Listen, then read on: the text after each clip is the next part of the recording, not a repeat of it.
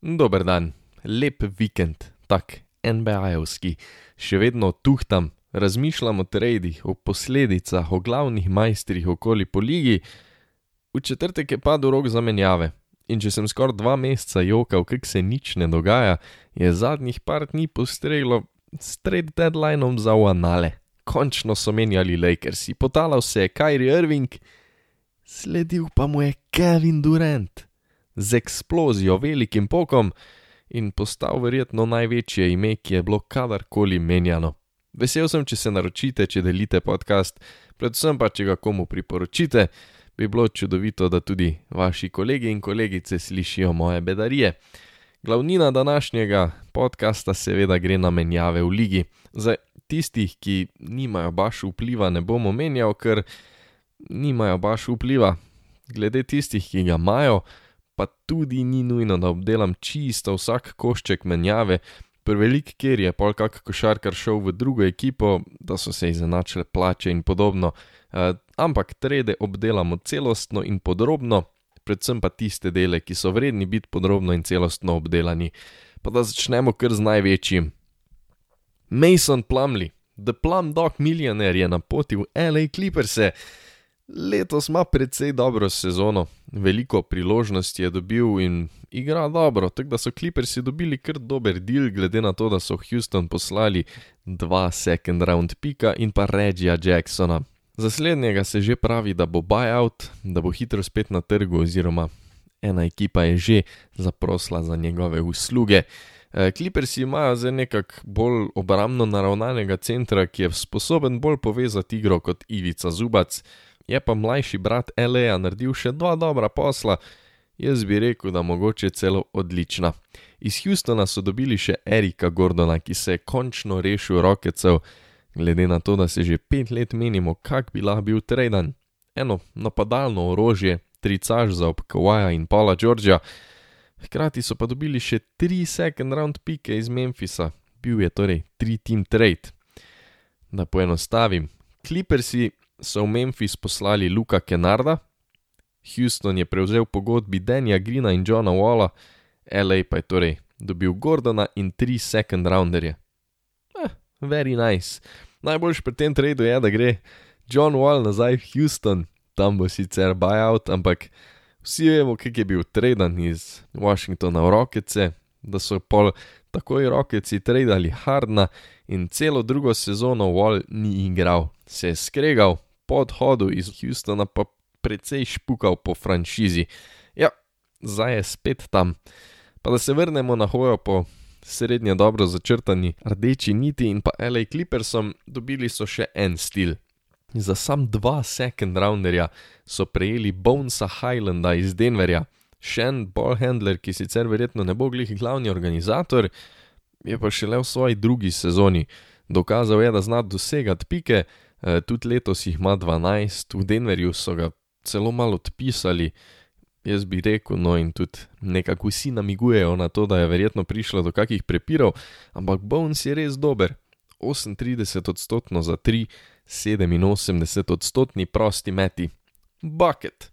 Kliper si torej brez nekih večjih valov, so pa preoblikovali ekipo z nekaj pomembnimi roleplayerji, ki zaokrožijo, dvignejo osnovno raven ekipe, medtem ko bosta strop tak ali tak dvigovala in ga že dvigujeta Kawhi Leonard in PG-13. Ker tak, B, A level poslov. Pa da vas zdaj ne pustim več hladnih, gremo k mami vseh tradov. Kevin Durant in TJ Warren v Phoenix za Michaela Bridgesa, Kema Johnsona, Jaya Crowderja in štiri first round pike, pa še en pick swap, zdaj da tu le hitro intermeco. Menjali so torej za Jaya Crowderja, Crowder je pa takoj odletel naprej v Milwaukee. Milwaukee je poslal pet second rounderjev, nekaj basketašev in vse to so skompenzirali pol z Indiano, spet tri team trade. Torej, Brooklyn je dobil še dva second round pika za Crowderja, ostalo je pa šlo v Indiano. Indiana je prevzela te pogodbe na mesto Brooklyna in v zameno dobila še tiste tri second round pike, torej pet skupno je Milwaukee poslal. Na hitro omenim, kako bo Crowder prišel v Milwaukee prav, 3D guy, to kar rabijo v obrambi podela, v napadu pa doda trice in ko mu sede, mu res sede. Pravi mojster je za poglobitev Milwaukeevega kadra, ampak nazaj k Durantu. Phoenix je dobil novega lasnika in Matt Išbija je takoj naredil ratatatatata, pa pripeljal enega najboljših košarkarjev 21. stoletja. KD Phoenix dvigne na nov nivo, to je dejstvo. Chris Paul bo orkestriral, skrbel, da ne bo igra sestavljena iz gore izolacij, KD in Devin Booker pa bo ta strah in trepet, asesna nasprotnikov. To bo smrtonosno v napadu, sploh ob dejstvu, da so Sansi uspeli obdržati še Diandra Aitona, centra, ki je naštudiral to pick and roll igro. Jaz sicer sem pričakoval, da bo Aiton traden, oziroma vsaj v središču govoric, pa ni bil. Je pa res, da bi tule zdaj še prej znalo spokat, ker če so ga prej v napadu uporabljali premalo, ga zdaj verjetno ne bojo nič. Phoenix je na papirju zdaj verjetno najboljša ekipa v ligi, ne vidim ekipe, ki bi bila sposobna zaustaviti tok orožji, če se pa ta orožja mogoče celo ne ustavijo sama. In, kot rečeno, objektivno imajo največ kvalitete. Moramo reči, da so favoriti. Hkrati pa jaz osebno nimam glih najboljšega občutka, prvič zato, ker vseeno imajo noro veliko problemov s poškodbami. Chris Paul najde v playoffih vedno neko poškodbo, Bookerja letos bedre jebejo, KD je tudi zdaj out, vsako leto je odsoten vsaj nekaj časa zaradi take drugačne poškodbe. Čeprav so res ekipa zvezdnikov, se bo moglo na igrišču vse sestaviti, vsi zdravi, vsi v formi. Druga stvar pa je, da definitivno ni tako, da bi zdaj to bili isti Sansi, ki smo jih gledali, ko so preprosto dodali velikega Kevina Durenta. Phoenix je vseeno veliko, veliko zgubo. Dali so dva košarkarja, ki sta bila mazivo tega stroja. Skrbela sta, da je dobro teku, uh, itak se ne morta primerjati z Durantovo kvaliteto, ampak Mikel Bridges je posebljena obramba, all defensive košarkar, ki capa trice kot velik, lahko prodira, bil je ključen za delovanje tega moštva. Ob vseh poškodbah je dobil še večjo vlogo in praktično postal prvo ime Phoenixa, ko sta Chris Paul in Devin Booker sedela. Poleg vsega tega pa je Bridges še Iron Man. Zdaj je zaradi tega trada spustil prvo tekmo v svoji pet let dolgi karieri. Ko so bili vsi zjahani, si vedel, da bo Bridges igral. In sam sem pomankal bolj, kot si mogoče na začetku predstavljamo. Po drugi strani pa je bil ob zvezdnikih pomemben tudi Jay Crowder, nek 3D guy, letos sicer ni igral tekme, ampak v njegovo vlogo je stopil Cam Johnson, ki je tudi bil traden. To so zdaj ti mojstri, ki jih rabiš v vsaki zvezdniški ekipi in kar naenkrat so sanci postali kar plitki na tej fronti. Rabli bojo nadomestiti neka te globine, ampak da ne bo zgledalo, da spet hejtam, če tole zalaufa, tako bi moglo zalaufati, so praktično nezaustavljivi, ne? brez debate. Je pa res, da bojo verjetno tudi na buyout marketu zelo dejavni in verjamem, da bo tudi veliko košarkarjev želelo podpisati z njimi, glede na to, da ipak so zdaj veliki hudobni volk. Brooklyn pa bomo videli, zelo imajo ene 821.489 basketašev, ki so res veliko vredni, že Bridges, naprimer, kot sem ga omenjal, za nekega kontenderja to dvigne na nov nivo. Če grejo v rebuild, lahko dobijo za te košarkarje še ne pet first round pikov, po moje lagano, drugače pa imajo dejansko res velike kvalitete, nimajo tistega zvezdnika, zvezdnika, imajo pa več kot pet nadpoprečnih košarkarjev. In jaz kar koma čakam Brooklyn, jaz mislim, da bo dejansko fajn zagledati. No, pa se selimo dalje na nekaj tradov, ko so se stvari pač malo premešale. En večjih, oziroma najbolj širokih, obsežnih, je bil med Filadelfijo, Charlottom, Portlandom in New York Knicksi. V New York je iz Portlanda šel Josh Hart, v Portland sta se preselila Cam Reddish in predvsem Matisse Tajbul. Bomo videli, kako lahko Matisse doda svoji napadalni igri. Um, no, New York je za Harta poslal še first round pick. Horneci so pa dobili dva second rounderja in Svija Mihaljuka, v zameno za Jalena McDanielsa, ki je šel v Fili. So ga relativno poceni, bom jaz rekel, da poslali, ko gledaš kak drug trade.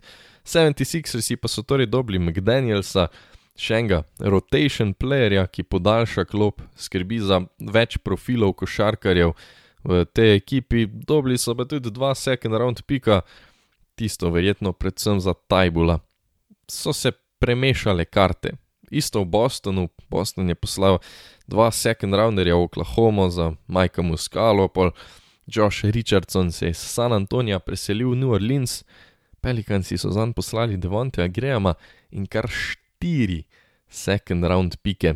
Zdaj se je že nekako nakazala tematika pošiljanja second rounderjev, ko narastejo za vsakim vogalom. Še en od teh bolj zakompliciranih tradov, ko se je umešalo kar par ekip, pa je bil med Detroitom, Atlanto in Golden Stateom. Golden State Warriors so v Detroit poslali Jamesa Wisemana, drugi izbor na naboru izpred treh let, v zameno za Sadika Beja, krilnega košarkarja. No, Golden State ga je pa pol takoj flipnil, torej Bej direktive v Atlanto za šoker, pet second round pikov.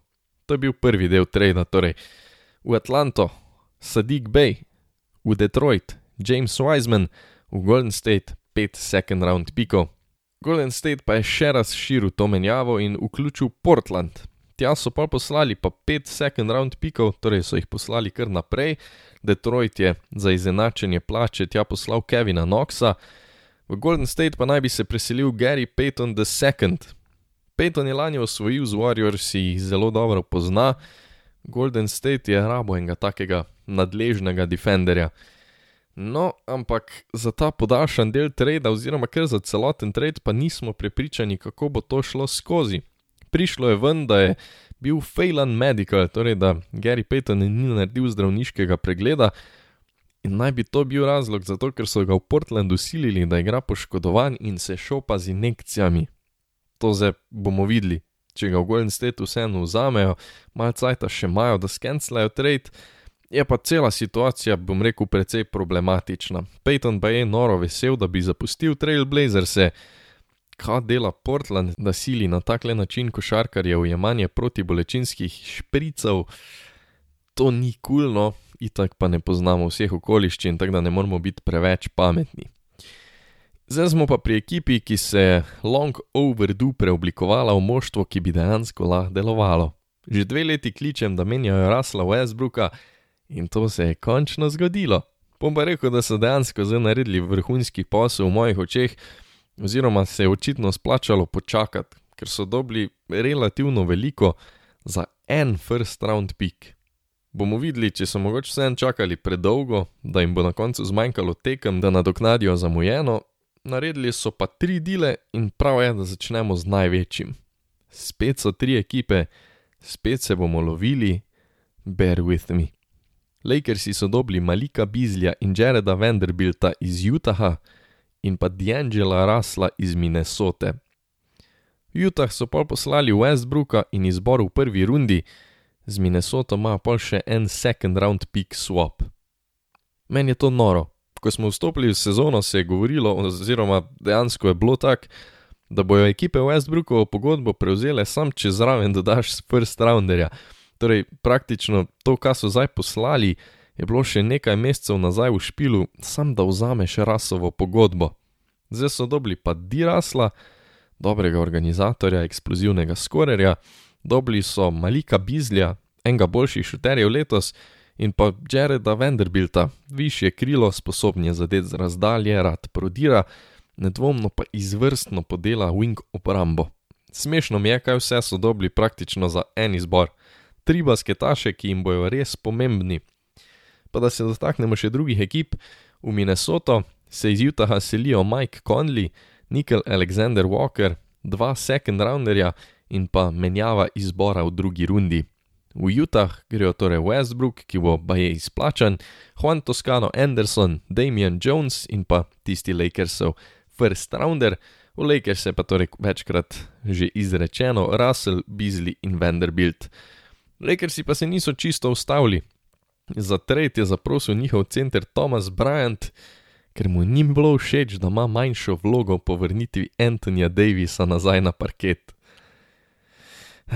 Bizarno mi je, kakar raven basketašev prosi za trade, no. Ne vem, kaj je mislil zdaj, da bo AD-a izrinil iz prve. V glavnem, Lakersi so rekli, fuck this, ga poslali v Denver za Devona Rida in tri second rounderje spet bom rekel, relativno veliko so dobili za njega. Denver je pobral tega drugega centra, pozicijo, ki jim je najbolj manjkala, zdaj imajo dejansko majstra, ki lahko dela nekaj kvalitetnih minut, ko gre Nikola Jokič na klop.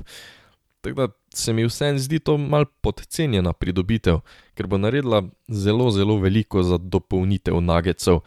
Lakersi pa so dobili nekaj draft kapitala, ki pa so ga hitro porabili za naprej in šli iskat nadomestnega centra, pripeljali so Mohameda Bambo iz Orlanda. Obrambno naravnanega centra, ki ti jih lahko prepali z razdalje, globina na klopi, da se manjko Bryanta ne bo preveč poznal, še vedno pa zelo mlad center, Mobamba z veliko upsida, no, zanj so poslali Patrika Beverlyja in pa dva izbora v drugi rundi nabora. Lakersi so torej do dobra premešali svoj kader.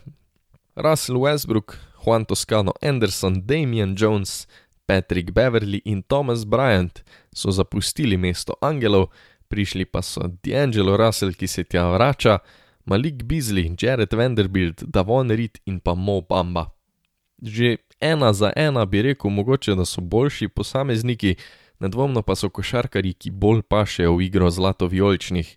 Ne bojo na poto Lebronu Jamesu ter Antoniju Davisu, pa bojo podelali akcije, ki jih prejšnji majstri preprosto niso mogli. Zdaj se začenja tisti Low Lakersov za končnico. Omenim lahko še Jakoba Peltla v Toronto, Peltl je igral letos izvrstno za San Antonijo, imel zelo veliko vlogo, več kot solidno podelal obrambo. Raptorsi so že nekaj let nujno potrebovali centra, zdaj imajo res dobrega. So pa zanj, po mojem okusu, dali preveč. Ken Brčin pa izbor v prvi rundi ter dva v drugi. Mal veliko. Po menjavi za Kajrija Irvinga Ruja Hačimura smo že obdelali v prejšnjih epizodah, uh, Kajri si je zaslužil celo celo epizodo, glede na to, da je šel v Mavrikse, sem bil pa vseeno mal presenečen, mogoče nad neaktivnostjo okoli določenih imen, določenih franšiz. Zdaj, oba Bogdanoviča sta ostala na svojem mestu. Jaz sem pričakoval, oziroma bi rekel, da jo je bil en kontender pripravljen gladko preplačati zele, predvsem pa John Collins, očitno nikoli ne bo menjan, je Atlanta Hawk za celo življenje. Ne razumem te Atlante, ker edina razlaga po moje je, da ga niso zdaj hoteli traditi, ker ima zelo nizko vrednost, hkrati pa na stil igre, da so ga relativno odrezali niti ne vidim, kako bi lahko svojo vrednost dvignil. Kar se ekip tiče, imam pa tri vprašanje: Chicago, Toronto, Miami. Toronto ne razumem, kako pa niso nič menjali, ko bi res lahko mal preoblikovali ekipo, razbili sceno, ker zdaj poteče pogodba Garyju Trentu Jr., mogli mu bojo dati velik denarja. Fred Van Fleet je predvsej upadel, še vedno bi ga lahko zdaj menjali, zakaj seksi, OG Anonobi pa po mojem nikoli več ne bo tako vreden kot je zele. Vodstvo je reklo, da so mal pretipali in se odločili, da sam mal vidijo, koliko je kdo vreden, tako da niso bili selerji. In res niso bili, ne, še prepeljali so prtla. Druga ekipa je Miami, ki nima nobene globine, oziroma so rotacijski košarkarji res bugarajč, pa niso šli po nobenega upside. Zdaj so prišle ven celo govorice, no, da so imeli pripravljeno menjavo za Kajla Laurija v Clipperse, pa pa je niso mogli zbuditi GM-a Peta Rileyja, da bi požegnal trade. Več če je to res, pa mora iti v penzijo. Zadnja ekipa pa je Chicago, ki več kot očitno ni dosti dober mogoče niti za playoffe, pa so se odločili nadaljevati s tako ekipo. Zakaj je to slabo? Zato, ker bojo zdaj glih nekje na meji, ne bojo dosti slabi, da bi se mogoče pa uspeli prikrast do tistega četrtega izbora oziroma top 4 izbora, kar bi pomenilo, da menjan pik ne gre v Orlando, ampak ostane v Chicagu. Definitivno pa niso dosti dobri, da bi naredili kak uspeh. Vuč poleti verjetno gre, mislim, vsaj upam, ne da ne ustrajajo, oziroma vsaj pogodba, no, da bo nizka. Uh, ostale košarkarje bojo mogli flipnet, praktično mogoče celo celo moštvo. Govorice je začelo, da bi bil na trade deadline lahko traden Zek Levin, govorilo se je o New York Knicksih, oziroma vsaj da so Bullsi zanj sprejemali klice. Jaz ne vem, koliko je zdaj Zek vreden, ampak če bi bil dober paket, bi tole skoraj lahko šel po moje delati dobiti nekaj obrambe, nekaj kompaktnosti, nekaj smiselnih košarkarjev za napadalno vele silo Demarja Derozena, kar Chicago dela, blage. Pozoren bo treba biti pa zelen na buyoute, torej majstre, za kere je nekdo tradal, pa se jim bolj splača, da jih izplačajo, oziroma da jim dajo cash, izplačajo pogodbo. Russell Westbrook je prvi, pravijo, da se ravno Chicago, poleg Miamija in Clippersov resno zanima za njim. Ne vem, zakaj bi kdo to hotel, ampak edini, ki je smiselno, da grejo zelen na glavo, pa probajo tudi s tem, so probabli Chicago. Terence Ross je bil celih pet ur namenjen v Dallas, dokler ni klical Phoenix, Reggie Jackson pa bo šel v Denver Nuggets. Pomembni geti, Dallas bi mogel kaj narediti tudi na tej fronti, no, se mi zdi, upam, pa nekako že vidim, kako bo v zvezde zapisan Pat Beverly. To pa je to, kar se tradov tiče, nekaj quick fire temic še pregledamo. Lebron Raymond James je najboljši strelec v zgodovini basketa. Pika. Nima smisla več bluziti, razglabljati. Rekord, ki je stal skoraj 40 let, je padel in dvomim, da bomo kaj hitro videli novega. Paul Brooklyn je v dobrih rokah, Ken Thomas je imel na treh zaporednih tekmah čez 40 pik, 21 let, certified bucket. Pa, da se dotaknemo še Dallasa, ker se ga preprosto moramo. Kar se trade tiče, sem bil prepričan, da bojo tradali Krisa Uda, niso ga, zdaj je tretji center ekipe, za Pavlom, za Dževelom Magijem, ne razumem ravno. So pa nekaj tekem odigrali brez Dončiča, sam z Kajrijem Irvingom in zgledlo je vrhunsko. Žoga gre, hitre podaje, veliko tekanja, pripravljenih šans. Kajri pa je končno en majster, ko lahko take overa, če Donkeja ni na igrišču. Premikal se je brez žoge, delal za ekipo, igra je bila res lepa, no, dvignjen tempo, hitrost, brez nekih izolacij, mučenja žoge, kar smo žal prevečkrat gledali pri Luki Dončiću v zadnjih letih. Najlepš pa je, da je Luka ob igrišču izgledal kot najsrečnejši človek na planetu.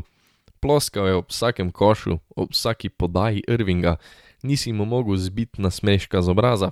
Tole jaz mislim, da bo kar zabavno gledati, pa tudi če sam pol leta.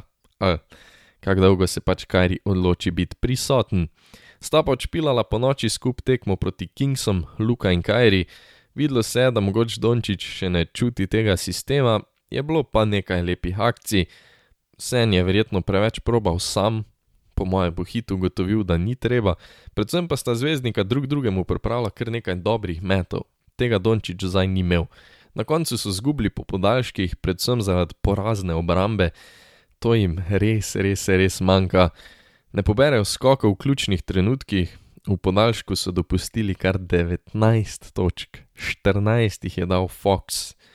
To bo treba popucati, ugotoviti rotacijo, ker Pavel, čeprav je v tem sistemu boljši, ne more biti center ekipe, ki se poteguje za najvišja mesta. Pomembo si zasluži še Josh Green, žvat, noro pomemben za ekipo, zadnjih par tekem igra kot velik, obrambno, napadalno, zdaj so začele leteti še trice. Všeč mi je. To je to za danes, obljubo epizodo v soboto prispela je v nedeljo, vseeno boljš kot naša pošta, ki danes sploh ne dela. Hvala, ker poslušate Overtime, v opisu imate link do e-mail liste NBA kolumne, samo pišete svojo e-pošto in moj članek dobite direkt na mail. Lahko me pofollowate tudi na Twitterju, na Instagramu, Lukas Karlovnik, do vsega imate linke v opisu. Res cenim vašo podporo, ogromno mi pomeni. Vesel sem, če overtime komu priporočite, če se naročite, če ga delite. Hvala. Bodite čudovito.